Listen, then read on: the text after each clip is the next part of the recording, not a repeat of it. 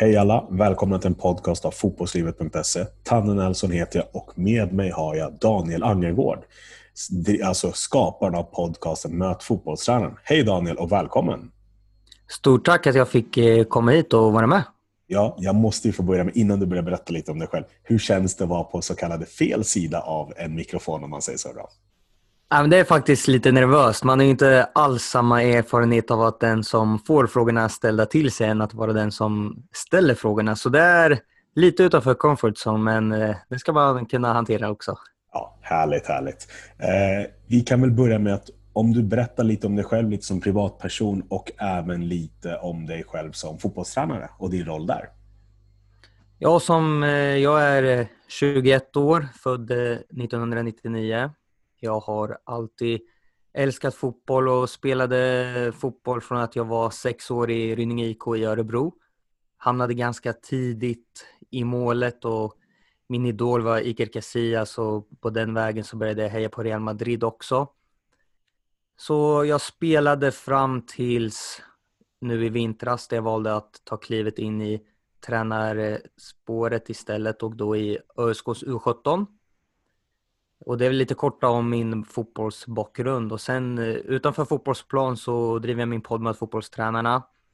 Eh, jobbar också lite extra på en skola och läser även en kurs, tränings och matchanalys på Göteborgs universitet på distans. Så många bollar i luften men många saker som också är roliga att göra.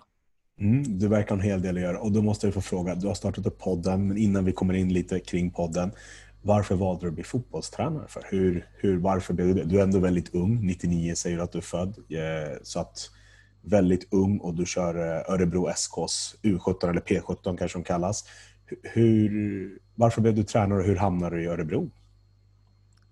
Ja, det började väl lite med att man på gymnasiet läste träningslärarkurserna och liksom började mer förstå grunden till bakgrunden till en bra prestation med allt utanför plan med förberedelser, kost, träningsupplägg, fys och mentala och allt vad det innebär. Och i och med det så började man intressera sig mer kring, mer kring de områdena och sen så gick jag på ett fotbollsgymnasium, Grillsgymnasiet och trivdes enormt bra och det var på våran övervåning var det bara fotbollsklasser och fotbollselever, fotbollstränare så man kom in i den här bubblan med att det var bara fotboll som gällde. Så började man mer intressera sig för det taktiska ju man blev äldre och titta matcher på ett annat sätt. Och sen så började, jag älskar att lyssna på podcast och sen så tyckte jag inte det fanns en podd med fotbollstränare och det var väl lite då jag startade det här själv. Och sen så rullade vi väl in på att det gjorde att jag till slut valde att ta steget att bli tränare själv och jag tyckte det var roligare att hålla på med det här eftersom att jag även började gå tränarutbildningar på universitetet, tränarskap med inriktning fotboll, grymt upplägg, en dag i veckan på universitetet med fotboll från morgonen till sen eftermiddag med teori, praktik. Och så får man C-diplom, B-ungdom, A-ungdom, Uefa-B och även högskolepoäng då inom olika områden som man kunde göra på universitetsnivå istället för att eh, gå Uefa-B till exempel på förbundet varje ett par lördagar, några gånger så kunde man göra det här mitt i veckan under en längre period som vi tyckte var ett fantastiskt upplägg. Mm, intressant. Och nu ska vi komma till kärnfrågan. Möt fotbollstränarna. Du nämnde lite kort, men kan du berätta lite mer om Möt fotbollstränarna? Ja, precis lite som när jag var inne på lite kort så har jag alltid älskat att lyssna på poddar men tyckte inte det fanns någon riktigt där det var en tränare i varje avsnitt som gästar så man kunde få lära sig mer. För det, var, det har jag alltid velat gjort, lärt mig mer och alltid sökt efter ny kunskap. Och ja, det tog ganska lång tid från att jag kläckte idén till att jag faktiskt startade podden. Det var säkert flera, ett halvår eller någonting som gick i tankarna och vägde för och nackdelar och kommer någon tränare att vilja ställa upp? Hur ska jag göra och allt ifrån den biten. Men till slut så kastade jag mig bara ut, köpte material, frågade en som heter Jens från Örebro som också har en podd, Yrkespodden, lite hur man gjorde och sådär. Och sen så skrev jag till Andreas Brännström på Twitter som är huvudtränare i J Södra. Så åkte jag till han, kom faktiskt, det är lite roligt, första podden Jag sätter mig i bilen på morgonen, det är snöstorm. Det går inte att komma fram på vägarna. Jag kör i typ 40 hela vägen från Örebro till J Södra. Det är eh, snöbilar som tar bort snön framför mig och jag kom inte fram. Och jag var säkert över en timme sen men han var förståelig, tog mig emot mig på ett väldigt bra sätt på deras fina träningsanläggning där. Och eh, det var så det började. Och sen så har det väl rullat på sen dess. Eh, när du ändå nämner Andreas Brännström där, kan du nämna några fler du har haft i podden som gäster som mina lyssnare kan få veta vilka det är? Liksom, några som du känner att de här har varit wow, det här var lite intressant att faktiskt intervjua och podda med. Jag skulle säga att alla gäster är intressanta på sitt sätt, men om jag ska nämna några stora namn. Om jag trodde knappt att någon skulle vara med från början och sen har jag haft med tränare som Sven-Göran Eriksson, Hasse Backe, Håkan Eriksson, Erik Hamrén, Peter Wettergren. Det finns så otroligt många stora namn som jag har lyckats få med i podden och det är helt otroligt när jag tänker tillbaka att jag knappt vågade testa att köra det här och sen så har jag träffat så otroligt många fantastiska tränare och ledare som jag har lärt mig så otroligt mycket av. Så jag är jättetacksam att tränarna ställer upp och är så ödmjuka inför att vem är jag liksom, 21 år från Örebro och driver någon podd. Att de ställer upp och det är superkul. Eh, du nämnde lite att du kontaktade Andreas via Twitter. Hur får du tag i alla dina gäster? Alltså hur, hur, är det Twitter, är det sociala medier eller har du någon kontakt som någon som känner någon? Eller hur, hur funkar processen? Hur går processen till egentligen? Ja, det blir lite där som du nämnde att jag skrev till Andreas på Twitter och sen så är bollen lite i rullning att han hjälpte mig kontakta till någon. Sen så finns någons nummer på deras hemsidor. Någon har en mailadress och eh, nej men det blir att man får hjälp av tränaren att kontakta andra. Som jag hade med Bosse Pettersson i podden som jag skrev till på Twitter. Träffade han. Vi fick ett bra samtal och han kände att ja, men jag kan hjälpa Daniel att kontakta Hasse Backe och sen Hasse Backe i sin tur hjälper att kontakta Svennis. Så det rullar på liksom när man väl har träffat en att träffa andra liksom. Mm. Coolt.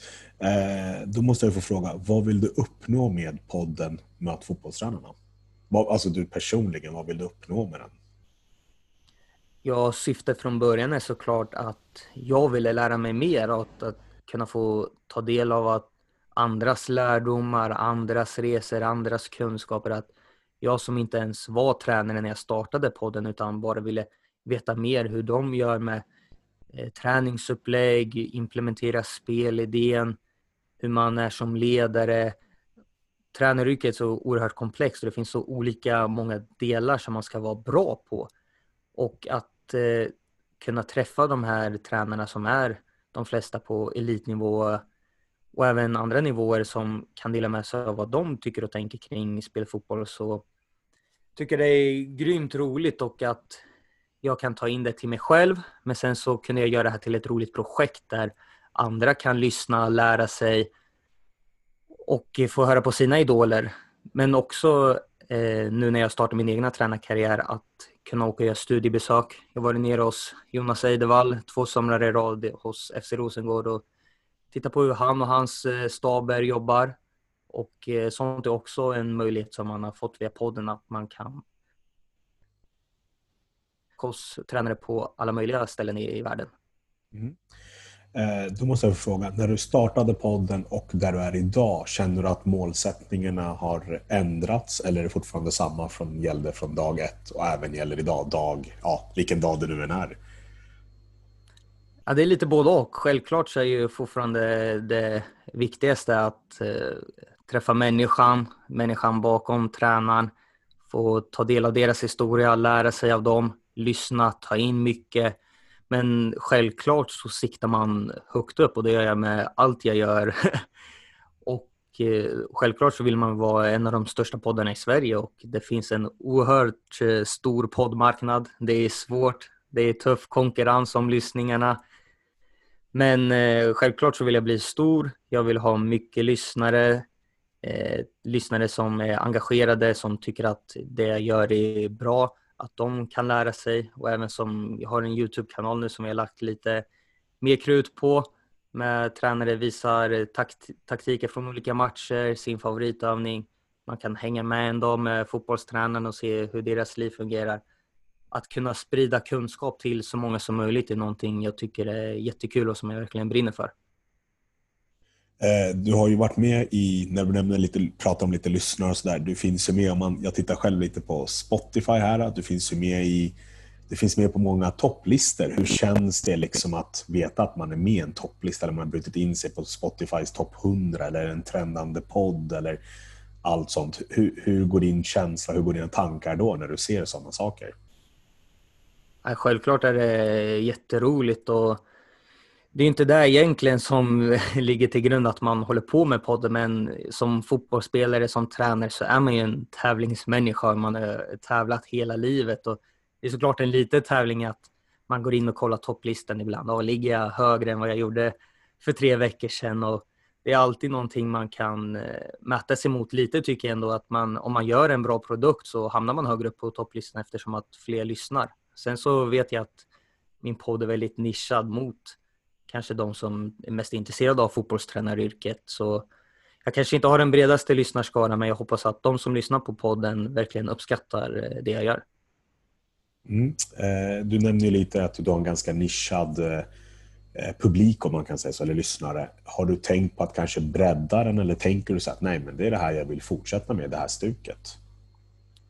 Jag har tänkt lite på om man skulle kunna göra podden på andra sätt och även prata med sportchefer, spelare, andra typer av ledare inom klubbar och organisationer. Men det har till slut landat på att det är just fotbollstränare som jag själv brinner för att träffa och då tror jag också att det blir bäst av att träffa fotbollstränare. För om jag ska träffa andra bara för att få ett avsnitt eller för att andra tycker det är intressant tror jag inte att det blir en bästa produkten från min sida och det bästa avsnittet som jag förbereder, klipper på ett bra sätt och har bra frågor till. Så lite så har jag resonerat att det måste vara någonting som jag brinner för och då blir det den bästa slutprodukten och bästa avsnittet. Mm. Och Du pratar lite om klippning, redigering och det här men lite kort bara. Om du tar ett poddavsnitt, spelar ingen roll med vem egentligen, ungefär hur mycket tid lägger du ner på det avsnittet med inspelningstid, redigering, klippning och sen att den publiceras? Om du höftar mellan tumme och pekfinger, hur mycket tid blir det då på ett avsnitt? Ja, det är en ganska svår fråga, lite som du säger att det beror på jätteolika vem, vem gästen är, men jag brukar oftast försöka lägga tid på att förbereda mig väl ordentligt så att jag är ordentligt påläst på gästen och vad den har gjort under sin karriär. Det kan ju ta allt ifrån, ja beroende på vem det är, jag försöker lyssna på andra poddar den gästen har varit med i för att ja, men höra ännu mer och läsa massa artiklar. Så det tar kanske, ja, det är svårt att säga exakt, 30 till 2 timmar beroende på gäst. Sen så ska man ju spela in podden tar säkert 30 till eh, strax över 60 minuter.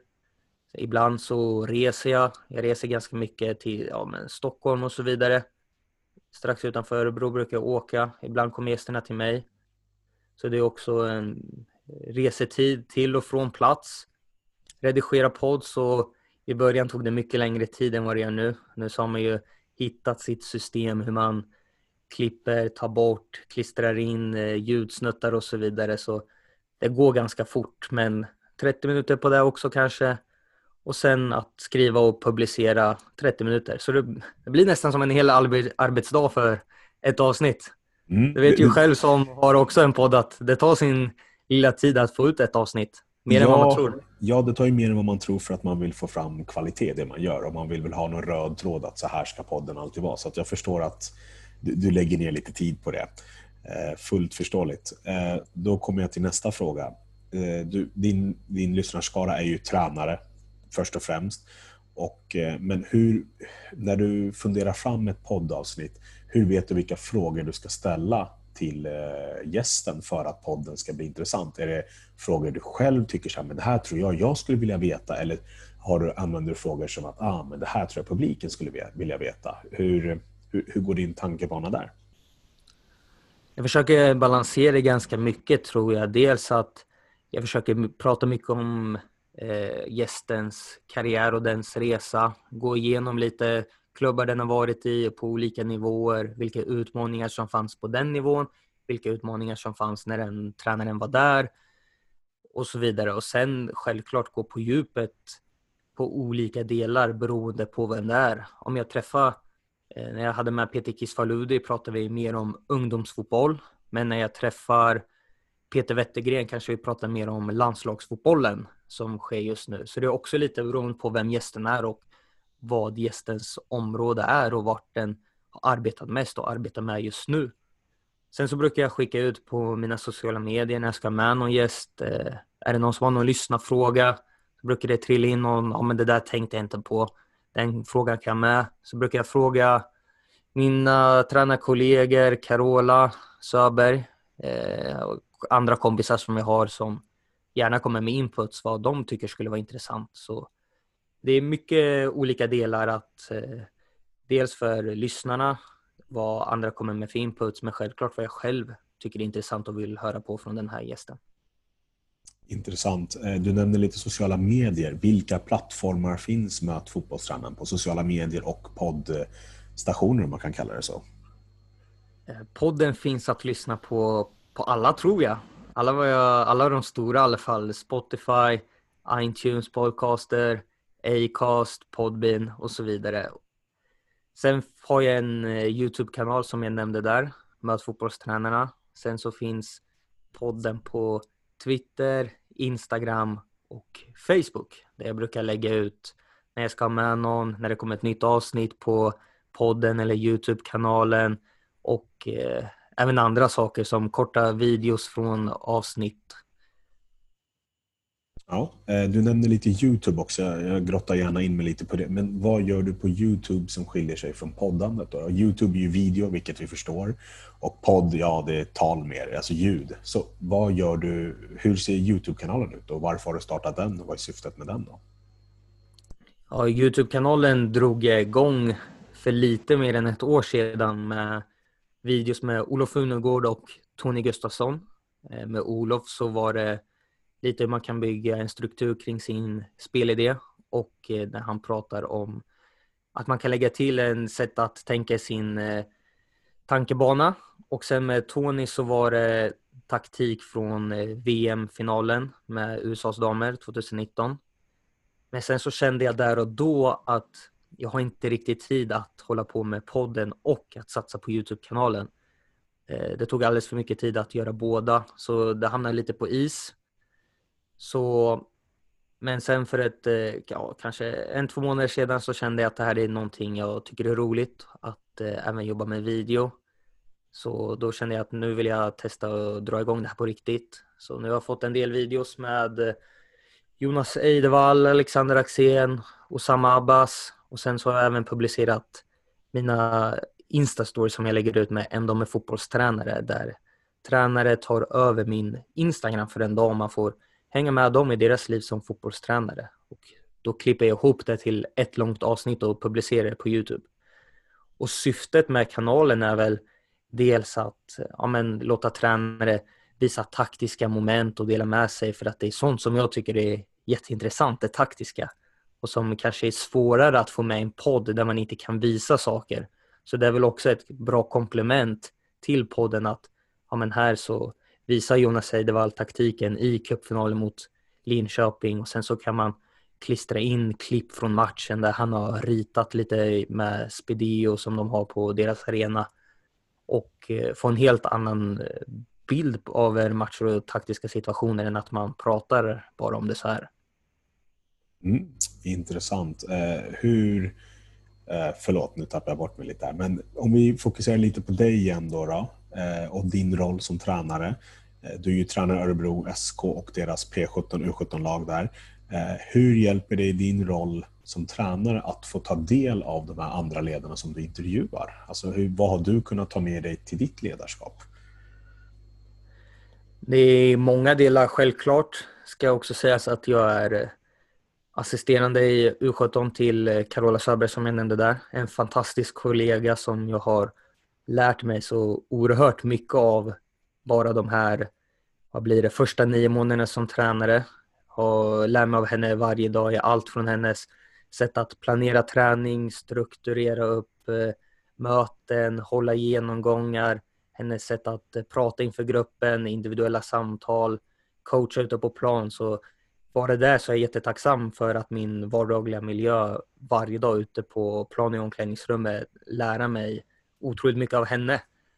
Men sen så blir väl det svåra att man ska ta någonting eh, som man hör i mitt avsnitt ut i sitt egna.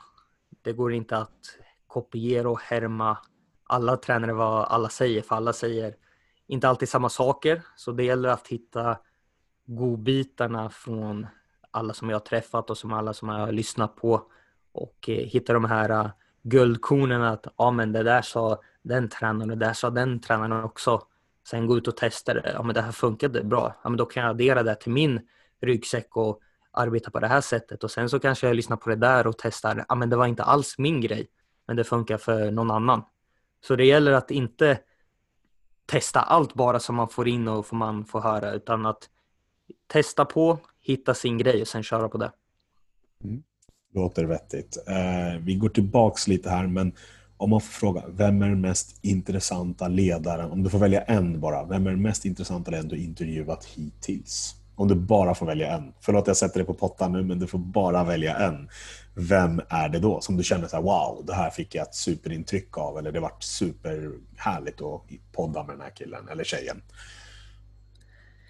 Eh, ja, jag visste ju att du skulle ställa den frågan så jag funderade lite på och en som jag tyckte var väldigt trevlig och tillmötesgående var Håkan Eriksson som var förbundskapten för u landslaget som vann guld där med John Guidetti och grabbarna.